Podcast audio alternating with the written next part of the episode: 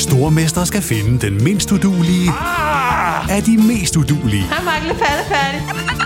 Sammen to papkasser. Åh, oh, nej, Mark. Må jeg ikke ringe til min mor? Stormester. En chance til. Det er ikke på nogen måde behageligt. Stream nu på TV2 Play. Du lytter til en podcast fra TV2. Der sker det, jeg bliver stukket ned med en, øh, en grøntsagskniv inde i stuen. 11 gange. Efterfølgende så bliver jeg slæbt ud på altanen, hvor jeg ligger en times tid. Jeg bløder jo voldsomt ud af, ud af halsen. Ligger derude, hvor efterfølgende har min eks så taget og viklet mig ind i en dyne og smidt mig ud af vinduet fra anden sal.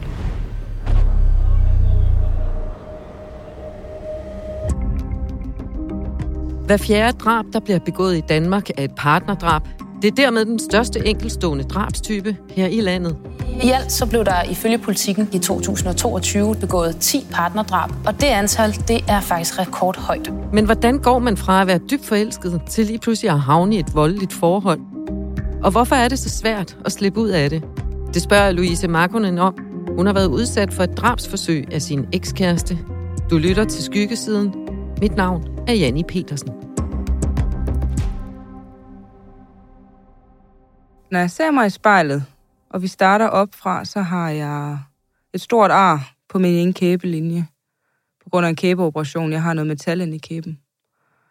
Og på halsen har jeg fire stiksår. Jeg har haft noget lungedræn i, så jeg har... I hver side har jeg nogle store ar. I studiet er Louise Markonen. Det er en kvinde, jeg har kendt i fire år. Hun er i dag 31 år og mor til en søn på knap 6 år. Så har jeg maven, et stort ar hele vejen op ad maven, fordi sygehuset skulle tjekke for indre blødninger. To stiksår på ryggen, og et stiksår i låret. Tre stiksår i nakken. Og så har jeg mit bækken bagpå. To store øh, metalbolde, kalder jeg dem. Det ligner det. Fordi mit bækken, det brækkede. Så jeg sad jo i kørestol i var det, seks uger. Første gang, jeg møder hende, er i efteråret 2019. Kort efter hun er blevet udskrevet, efter at have været i koma som følge af et drabsforsøg. Så havde jeg haft to eller tre hjerneblødninger. Blødning i lungerne, brækket ribben. Og min kæbe, der blev... Hele min mave blev skåret op for at tjekke for indre blødninger, så jeg har kæmpe ar på maven. Øh, jeg har metal i mit øh, bækken, bagerst på bækkenet. Og det er den, der jeg døjer mest med nu. Den, specielt ved temperaturskift og sådan noget, så det gør ondt. Og øh, ja, jeg burde være død af det. Det er jeg ikke, heldigvis. Lad os øh, tage fat på, hvad det er, det gør ved dig, hver gang, at der sker et partnerdrab. Hvad er det, det gør ved dig, når du hører om et nyt partnerdrab på en kvinde? I starten, der havde jeg har jo Instagram, hvor hver gang der var en, der øh, et, partnerdrab var begået, så lagde jeg det op, og at der skulle gøres noget ved det. Og jeg var sådan helt i fightergeist, hver gang jeg så en kvinde. Nu var det sket igen, og nu skulle der gøres noget, og mediedækning og alt sådan noget der. Men det bliver jo ved. Det stopper ikke. Og systemet er der bare ikke til at hjælpe. Så nu er det sådan, jeg bliver helt frustreret og vred og ked af det, når jeg ser, at nu skete det igen. Og med tanken på, at jeg så ved, at hun har nok ikke fået nogen hjælp. Hun har måske rakt hånden ud. Hun har ikke fået hjælp. Nu er hun død. Nu er hun en del af en statistik. Det er så forfærdeligt. Fra 2019 og frem til i dag er der blevet begået 35 partnerdrab. Langt størstedelen af kvinder, der bliver dræbt af nuværende eller tidligere partnere. Og det er bare nu de et nummer i rækken, men hvis du vender den om, er der 35 politikere på fire år, der bliver myrdet, havde det været verdensomspændende, kæmpe mediedækning på. Men det her nu, det er jo bare kvinder. Det er bare kvinder, der er blevet myrdet. Måske været i fysisk og psykisk øh, voldelige forhold i flere år. Det er jo bare kvinder. Jeg har sådan en følelse af, at de, vi er ligegyldige. Fuldstændig. Er det den følelse, du får? Jeg bliver, jamen, du kan se det på mig nu. Jeg bliver helt vred. Jeg bliver helt vred over det, fordi, fordi de er ukendte.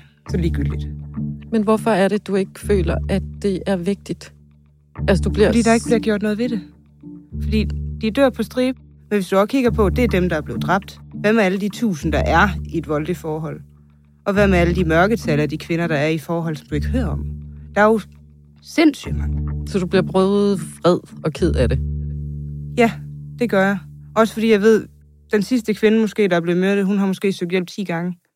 Men mange af dem har måske slet ikke søgt hjælp, fordi de tør ikke søge hjælp. Hvad sker der, hvis man søger hjælp? Så har du en voldspartner, der ved, at de er blevet anmeldt for noget. Han bliver ikke straffet for det samtidig. Hvad sker der så med kvinden inden for fire døre, sammen med sin voldsmand, der ved, at han er blevet anmeldt for noget? Så det er jo en ond spiral for en kvinde i sådan et forhold. Sidste år blev der begået i alt 10 partnerdrab. 9 ud af de 10 er drab på kvinder, begået af mænd. Det skriver politikken i dag. Og det antal, det er faktisk rekordhøjt. Avisens opgørelse fra 2017 og frem viser, at der i den årrække blev begået mellem 6 og 8 partnerdrab årligt. Det er fire år siden, at Louise Markonens ekskæreste og faren til hendes barn forsøgte at dræbe hende. I dag bor hun på hemmelig adresse med sin søn, så har hun også skiftet navn. Vi kalder dig Louise. Det er dit fødenavn, men øh, det skal siges, at du har fået et nyt navn, som vi vælger ikke at bruge, fordi du jo har været offer for en forbrydelse, og netop derfor har skiftet navn. Men du sidder her i dag for at fortælle din historie om at være i et voldeligt forhold. Hvor er du henne i dit liv, da du møder din ekskæreste? Jamen, jeg er i et meget svært, en meget svær periode i mit liv. Jeg er ved at miste min søster. Hun har kræft. Ligger på hospice på det tidspunkt. Så jeg er bare, he, hele min verden er sort. Grå og sort. Og jeg har brug for at have en, jeg kan tale med og være med. Så møder jeg så min eks. Og han er jo fantastisk. Han er impulsiv og glad og lytter til mig, og det hele er godt, og han er virkelig en dejlig mand. Bliver også min bedste ven samtidig. Jeg kan jo tale med ham om alting. Og han ved jo, hvor hårdt det er med min søster. og Han, har, han møder min familie, og så jeg møder ham på det tidspunkt, hvor jeg har allermest brug for tryghed og støtte. Og der er han der for mig. Han kan ja, sætte lys på den mørke dag, ikke? Og det var han rigtig god til. Så hvordan var sådan begyndelsen af jeres forhold? Det var rigtig godt. Det var det. Vi rejste meget, og vi lavede ting sammen. Vi var sammen med venner, og han havde et godt forhold til familien også, og jeg mødte hans familie, og der var, selvfølgelig havde man nogle småskænderier, det har alle forhold, men jo slet ikke, ikke noget alvorligt, det har alle. Hvornår oplever du første gang, at han ændrer karakter? Jeg har været sammen med ham i et par år, der vil jeg sige. Og vi skal i byen sammen med et andet vennepar. Og, og vi har været lidt uenige i starten af den dag. Det var sådan en rigtig dårlig dag, faktisk. Og så skal vi ud og drikke, og alkohol gør jo ikke lige frem tingene bedre, vel? Så jeg er da også øh, hønefuld og skaver mig. Det skal jeg da overhovedet ikke lyve om. Men han vælger så på åben gade og stå og tage kvælertag på mig nede på gågaden og råbe mig ind i hovedet. Og der var jo mennesker overalt, og ingen gjorde noget som helst. Og jeg var så bange for ham der, fordi jeg skal godt lige sige, at jeg var oppe beruset samtidig. Så det skærper jo bare ens følelsescenter endnu mere, ikke? Jeg var så bange for ham, og jeg løb, øh, jeg løb simpelthen hjem fra byen af. Jeg skulle bare hjem og låse døren. Og det er en side, jeg ikke har set af ham før. Han var også fuld, det skal også siges. Altså, alkohol gør noget, men han tog kvælertag på mig foran, ja, du ved, en fyldt gågade en lørdag aften, ikke? Der blev jeg bange for ham. Gør du noget bagefter? Dagen efter, så var det jo, åh, undskyld, og ja, det er sædvanlige. Man øh, krammer og tager ud og får noget morgenmad at spise sammen, og så er vi gode venner igen, ikke? Fordi jeg har jo også følelsen af, at jeg er jo fuld, jeg har jo også skabt mig jo. Altså, jeg råbte over ham, jeg var ikke en engelbas, det var jeg ikke. Så det var så lidt, nej, men det var nok også lidt min egen skyld, ikke? Så, så jeg, jeg gav ham egentlig lidt ret i, at det var min skyld. Og jeg nærmest måtte sige lidt undskyld til ham, fordi jeg havde skabt mig sådan. Så der var ingen lille stemme i dig, som siger, det her, det er ikke i orden? Nej. Du bliver gravid efter, I har været sammen et par år for jeres søn. Hvordan er jeres relation på det tidspunkt? Jeg vil sige, vi var ikke i et lykkeligt parforhold, da vi vælger at få et barn. Vi havde jo været fra hinanden faktisk kort tid før jeg bliver gravid. Men så tænker man jo bare, det hjælper altid at få et barn. Hvilket det ikke gør, kan jeg så lige sige til alle, der lytter med. Det hjælper ikke. Men jeg blev gravid, og jeg er jo selvfølgelig glad for, at vi skal have et barn. Men så kan jeg bare mærke, så kommer kontrollen ind over. Han skal hele tiden vide, hvor jeg er henne. Og, øhm, og vi er på ferie et år med min familie. Min mor og far har sølvbryllup. Hvordan pokker startede det egentlig? Det er, fordi han vil med mig ud at spise. Men jeg vil ud og spise med min familie. Vi er lige ankommet til Spanien, hvor vi skal være, så jeg vil have, at vi hygger os sammen, men han har en forventning om, det er mig og ham, der skal ud og spise.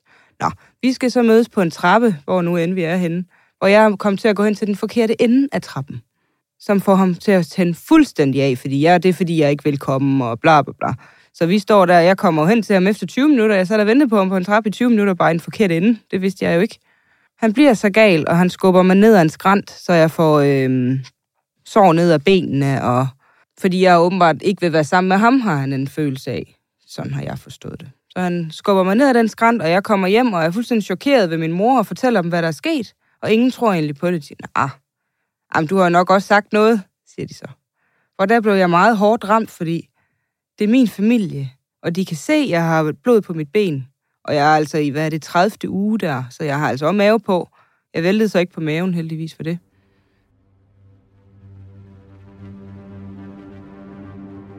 På samme ferie oplever Louise Markonen også, at hendes kæreste opfører sig troende og skærer hendes tørklæde midt over med en kniv. Hendes bror bliver involveret og forsvarer sin søster. Han så tror min bror. Og så sker der ikke mere. Der er ikke nogen, der gør noget, der er ikke nogen, der siger noget, og det er bare, vi fortsætter bare ferien. I situationen dagen efter, når så går vi bare ned på stranden, -agtigt. så er det lidt glemt, men når jeg ser tilbage på det, han har jo troet min bror. Meget voldelig adfærd, som jeg faktisk ikke rigtig har opdaget på det tidspunkt, fordi nu skal vi bare hygge os, nu har vi ferie, nu skal vi hygge os. Skynd jer slet det alle sammen, der er ingen, der snakkede om det, der er ikke nogen, der gjorde noget. Men når man ser tilbage, det var jo dybt kritisk. Dybt kritisk situation, som ingen reagerede på. Da I så får jeres søn, hvor er I henne sådan rent parforholdsmæssigt?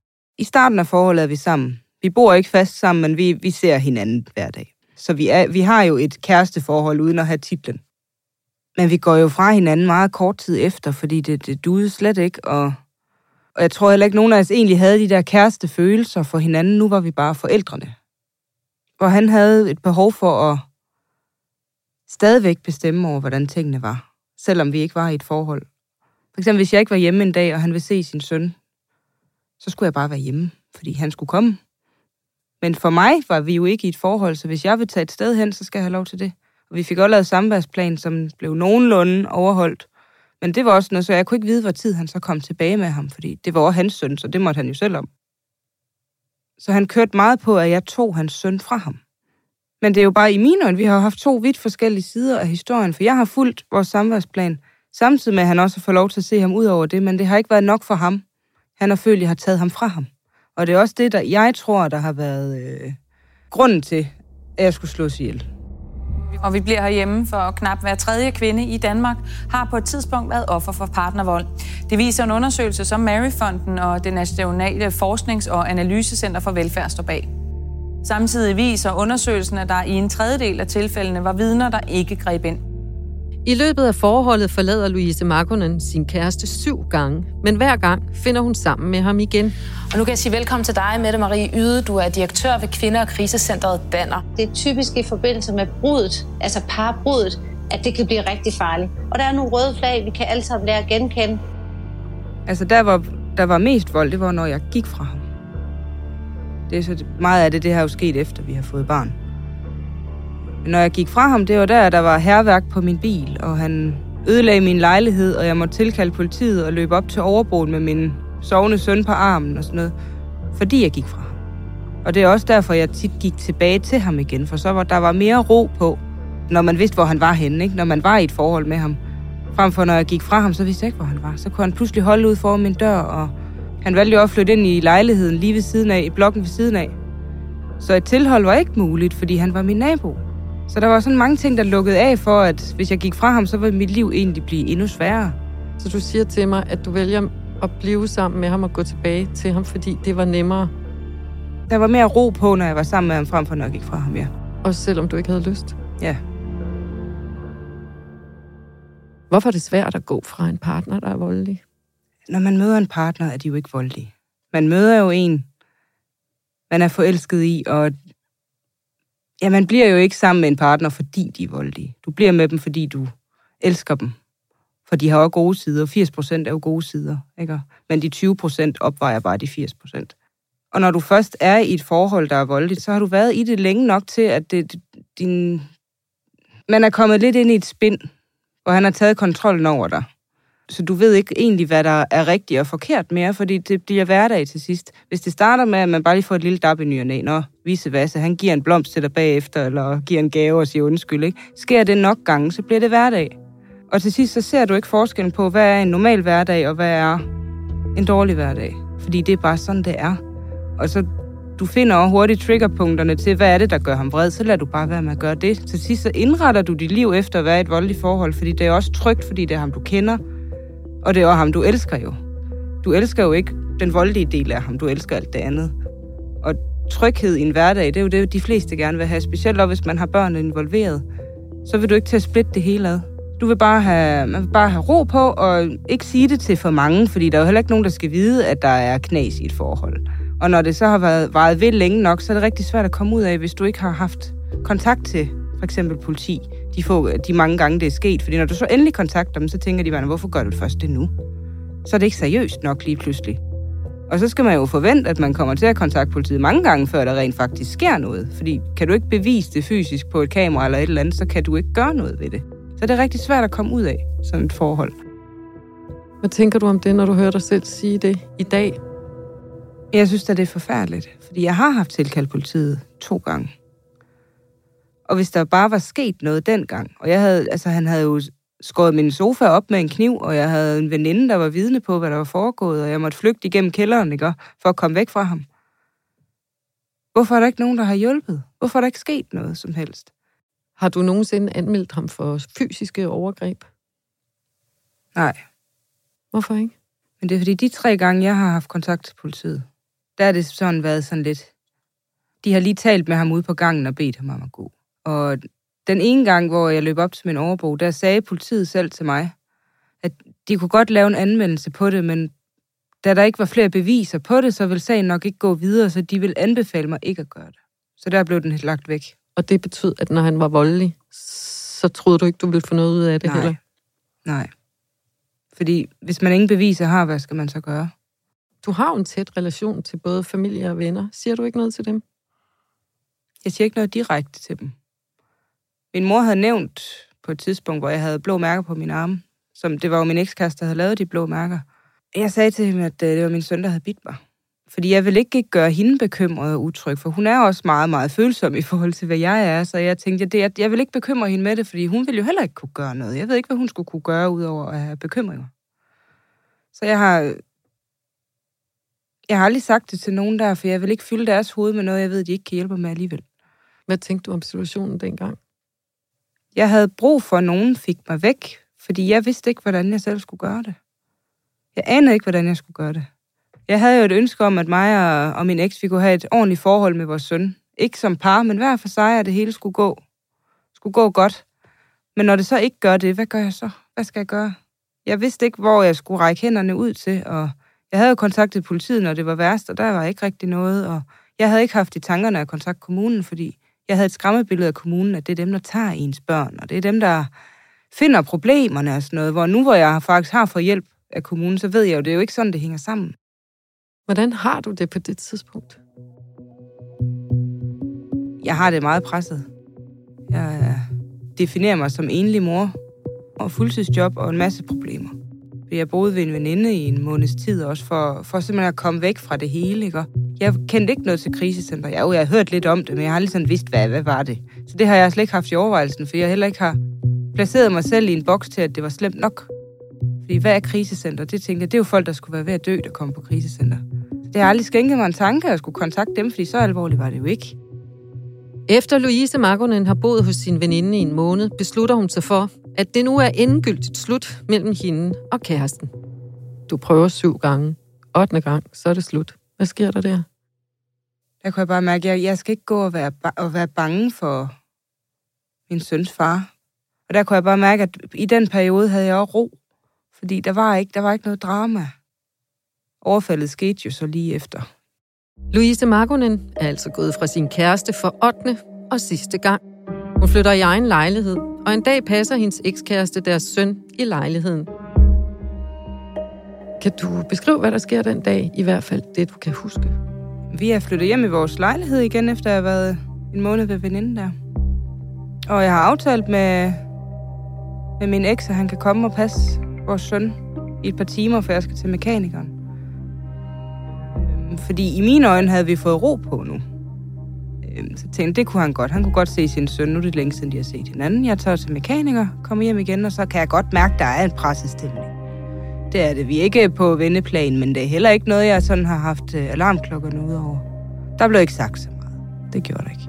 Så blev der nævnt en ting med min søn, hvilket jo så får mig til at blive vred. Efterfølgende der kan jeg ikke huske noget. Jeg kan ikke huske overfaldet. Men jeg kan huske, at jeg så ligger ude på altanen, og der er jeg blevet stukket ned. Hvor han kommer ud med min søn på armen og står og kigger på mig ude på altanen. Hvor jeg så siger til ham, du skal ikke lade ham se det. Min søn skal ikke se det her. Hvor han peger ned på mig, siger noget, og så går det. Hvis han siger til mig, at jeg skal ligge stille. Det er det, jeg kan huske. Det Louise Markonen lige er blevet udsat for, er 11 knivstik, hvorefter hendes kæreste har smidt hende ud fra altanen, og Louise Markonen falder over 6 meter ned. Hun kan kun huske overfaldet i de her små glimt. Hun ender i koma og er tæt på at miste livet. Du har tidligere udtalt, at du er heldig på den måde, at du har overlevet. Hvordan det, Louise? Det er når man ser andre kvinder, hvordan de kan være blevet stukket ned en gang, eller faldet ned ad en trappe en gang og dør. Jeg er blevet stukket ned 11 gange, og jeg har lagt en time og forblødt og blevet smidt ud fra anden sal efterfølgende. Og jeg lever stadigvæk. Og det var et puslespil, der, der er blevet perfekt samlet, fordi lige da jeg falder ud, går der en patient forbi, der ser mig. Og da han ringer 112, holder der en ambulance nærmest lige rundt om hjørnet. Så det er simpelthen, der er så mange puslespilsbrikker, der bare har passet sammen. For havde ambulancen været 20 minutter om at komme, så havde jeg også været død. Var det ikke ham, der havde set mig der, og en tilfældig anden, så havde jeg også været død. Var jeg ikke blevet smidt ud fra altanen, så var jeg også været død. Så der er simpelthen så mange ting, der gør, at jeg burde ikke have overlevet det her overhovedet. Så jeg synes, jeg er mega heldig at få lov at sidde her, fordi faktisk, hvis jeg ikke var blevet smidt ud af det vindue, hvilket er tragisk, hvis jeg ikke var det, så var jeg jo ikke blevet fundet op i lejligheden før måske dagen efter. Og så tror du, du var forblødt? Ja, det var jeg. Det er jo nærmest et mirakel, at jeg stadig ikke i hvert fald har en hjerneskade med alt det blod, jeg mistede, ikke? Altså, det, det, jeg er for heldig. Og det er også derfor, jeg håber sådan, at så kan jeg jo bruges til noget nu, ikke? At folk gerne vil lytte til mig.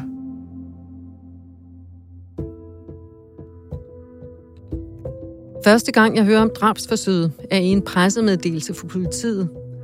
Jeg er med til grundlovsforhøret, da hendes ekskæreste bliver varetægtsfængslet, og da skaderne i retten bliver beskrevet, kan jeg ikke lade være med at tænke på, om Louise Markonen hun vil overleve. Det gør hun, og få uger efter får jeg kontakt med hende. Noget af det, jeg kan huske, du gjorde, da du vågnede efter koma, det var øh, at få tatoveret noget på, på din krop. Hvad er det, du fik øh, tatoveret, og hvorfor er det så symbolsk for dig? Altså, jeg er jo religiøs samtidig. Og så har jeg det sådan, jeg har overlevet noget, man ikke bør overleve. Så tænkte jeg, hvad er den perfekte tatovering til det? Det var vinger. Så jeg har store englevinger på min ryg, fordi jeg har overlevet noget, man ikke burde. Og det skal være et symbol over for mig selv også, for at man kan fandme klare sig igennem mange ting i livet, ikke? Og jeg har klaret mig igennem noget af det hårdeste, jeg overhovedet kan forestille mig, at jeg skulle være igennem. Det er lidt sådan en fighter-tatovering til mig selv over, at, øh, hvor godt det hele er gået nu. Så det er en påmindelse om, at du har klaret dig, for man kunne måske også vente den om at sige, at det vil være en evig påmindelse om, hvor skrækkeligt det har været. Altså, der har jeg Arne. Jeg vil sige, når jeg, jeg kan godt blive ked af det at se Arne og se, hvad der... Så kan jeg huske, hvad jeg har været igennem. Men så vender jeg lige ryggen til, og så tænker jeg, okay, men jeg har også overlevet det her. Jeg har klaret mig igennem det her, og jeg har hjulpet mange andre kvinder ud af det.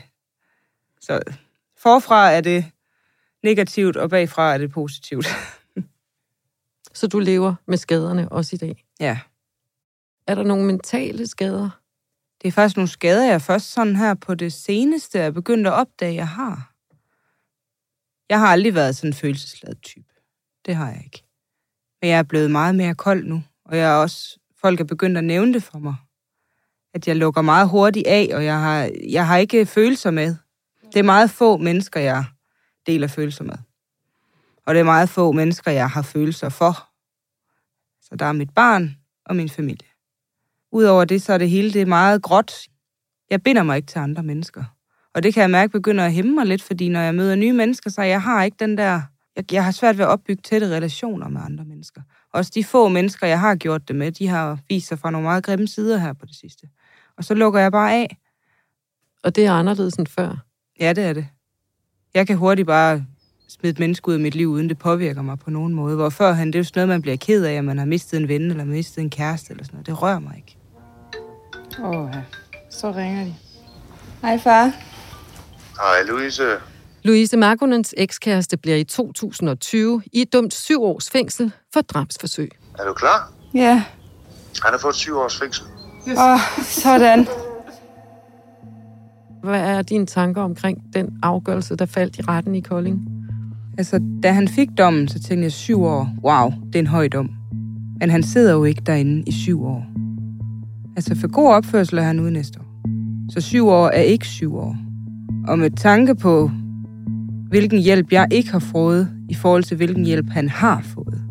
Han har været på kurser og fået hjælp og fået uddannelse og fået alt, hvad han havde behov for inde i fængslet. Og jeg sidder her, må søge om alting selv, har klaret alting selv, er fuldtidsmor, fuldtidsjob, fuldtid alting, helt alene.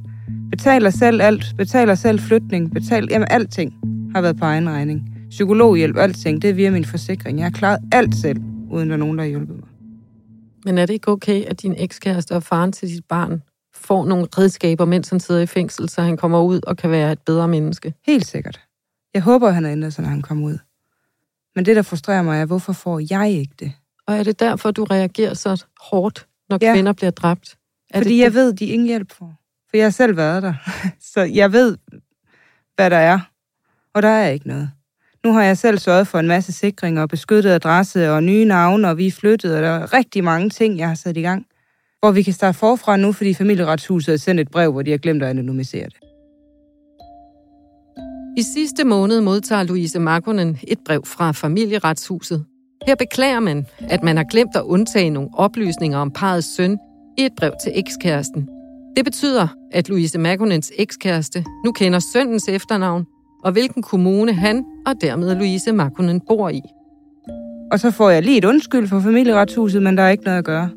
Så al sikkerhed, jeg har selv sørget for, det falder bræt til jorden, og nu kaster jeg forfra. Sikkerheden, den er der ikke nu. Stabiliteten, den er der ikke nu. Så hvad skal jeg prioritere? Jeg kan ikke få begge dele. Så må jeg prioritere sikkerheden.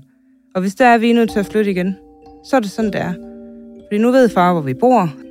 Så det er lige meget, hvor meget sikkerhed jeg laver i mit eget liv. Altså nu, vi kan starte forfra nu. Og det er da forfærdeligt, jeg er nødt til at rive hele vores liv fra hinanden. Du har et godt job. Du Ja. fungerer. Det hele fungerer. Jeg har faktisk ikke noget at sige, der går dårligt lige nu.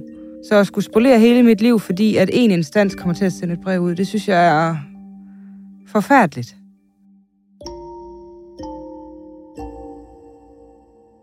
Hvordan er dit liv i dag? Jamen indtil for nyligt, alting er sket meget lige oven i hinanden her. Så var det faktisk rigtig godt, og vi har fået et rigtig lækkert sted at bo, og han er startet i skole, og det går rigtig godt. Så jeg synes endelig, efter så mange år, så har vi endelig fundet en hverdag og et godt sted at være, og en god omgangskreds, og det hele, det spiller bare. Og så falder bomben bare med, at nu ved far, hvor vi er henne. Hvilket gør, at øh, jeg er meget usikker nu. Jeg kigger mig over skulderen igen lige pludselig, hvilket er jo flere år siden, jeg sidst har gjort det. Men jeg begynder at gå og kigge mig over skulderen nu, og sætter alarmen til, selv når vi er hjemme og sådan noget. Fordi hvis der nu kommer nogen, Hvad vil du sige til kvinder, der lytter med, og som er i en situation, som du har været for år tilbage? man er nødt til at se fremad. Og jeg vil sige, at det er meget vigtigt, ja, meget kliché at sige, men sig det til nogen. Du kan ikke få hjælp, hvis ikke du har sagt det til nogen. Jeg kunne have fået hjælp før, tror jeg, hvis jeg havde egentlig vidst også, hvem jeg skulle kontakte. Lad være med at være bange for kommunen. Det tror jeg faktisk, nu har jeg snakket med mange kvinder, og det er kommunen, folk er bange for. Men jeg kan samtidig sige, at kommunen er dem, der har hjulpet mig. Jeg havde ikke haft et så godt liv nu uden kommunen. I hvert fald den kommune, jeg bor i. Hvad vil du gerne sige til dig selv, hvis du kigger på dig selv og skruer tiden tilbage? Fire år. Tænk på dig selv, frem for at tænke på dem omkring dig. Vær egoistisk. Er du i sådan et forhold, så vær egoistisk. Tænk på dig selv. Kom væk. Gør, hvad du vil. Du skal ikke lade dig tynge af, hvad andre føler og hvad andre tænker og synes og gør. Det er fuldstændig underordnet. Hvis du vil væk, så skal du væk. Tusind tak, Louise. Selv tak. Vi har forelagt Louise Markonen til ekskæreste hendes oplevelse af deres forhold, og givet ham mulighed for at kommentere det, men han er ikke vendt tilbage på vores henvendelse. Vi har desuden givet familieretshuset mulighed for at kommentere fejlen, de har begået. De kan ikke kommentere den konkrete sag, men skriver, at de er kede af det, når de ved en fejl kommer til at dele personoplysninger med uvedkommende. De beklager eventuelle konsekvenser for berørte og er opmærksomme på deres særlige ansvar for mennesker i en ekstra sårbar situation. De skriver, at de gør alt, hvad de kan for at undgå denne slags fejl, og lærer af dem, så risikoen for, at det sker igen, minimeres. Vi har også taget kontakt til Sydøstjyllands politi og forelagt dem Louise Markonens oplevelse af kontakten til politiet. Sydøstjyllands politi er vendt tilbage på vores henvendelse og skriver blandt andet citat. Når Louise Markonen har oplevelsen af, at Sydøstjyllands politi ikke har taget hendes anmeldelser eller henvendelser alvorligt, og at vi som politi ikke har reageret eller gjort noget, så berører det os, og det er bestemt en kritik, vi tager meget alvorligt. De mener, at de har taget Louise Markonens henvendelser alvorligt, men skriver også, at de ikke er nået i mål, når Louise Markonen ikke sidder med samme følelse. Sydøstjyllands politi mener desuden, at de har vejledt Louise Markonen, da de bliver tilkaldt til husbetakler. Ifølge dem ønskede hun ikke umiddelbart at anmelde vold. Dagens program er tilrettelagt af Rikke Romme, lyddesign af Leo Peter Larsen, redaktør Stefan Lykkelek og mit navn er Janni Petersen.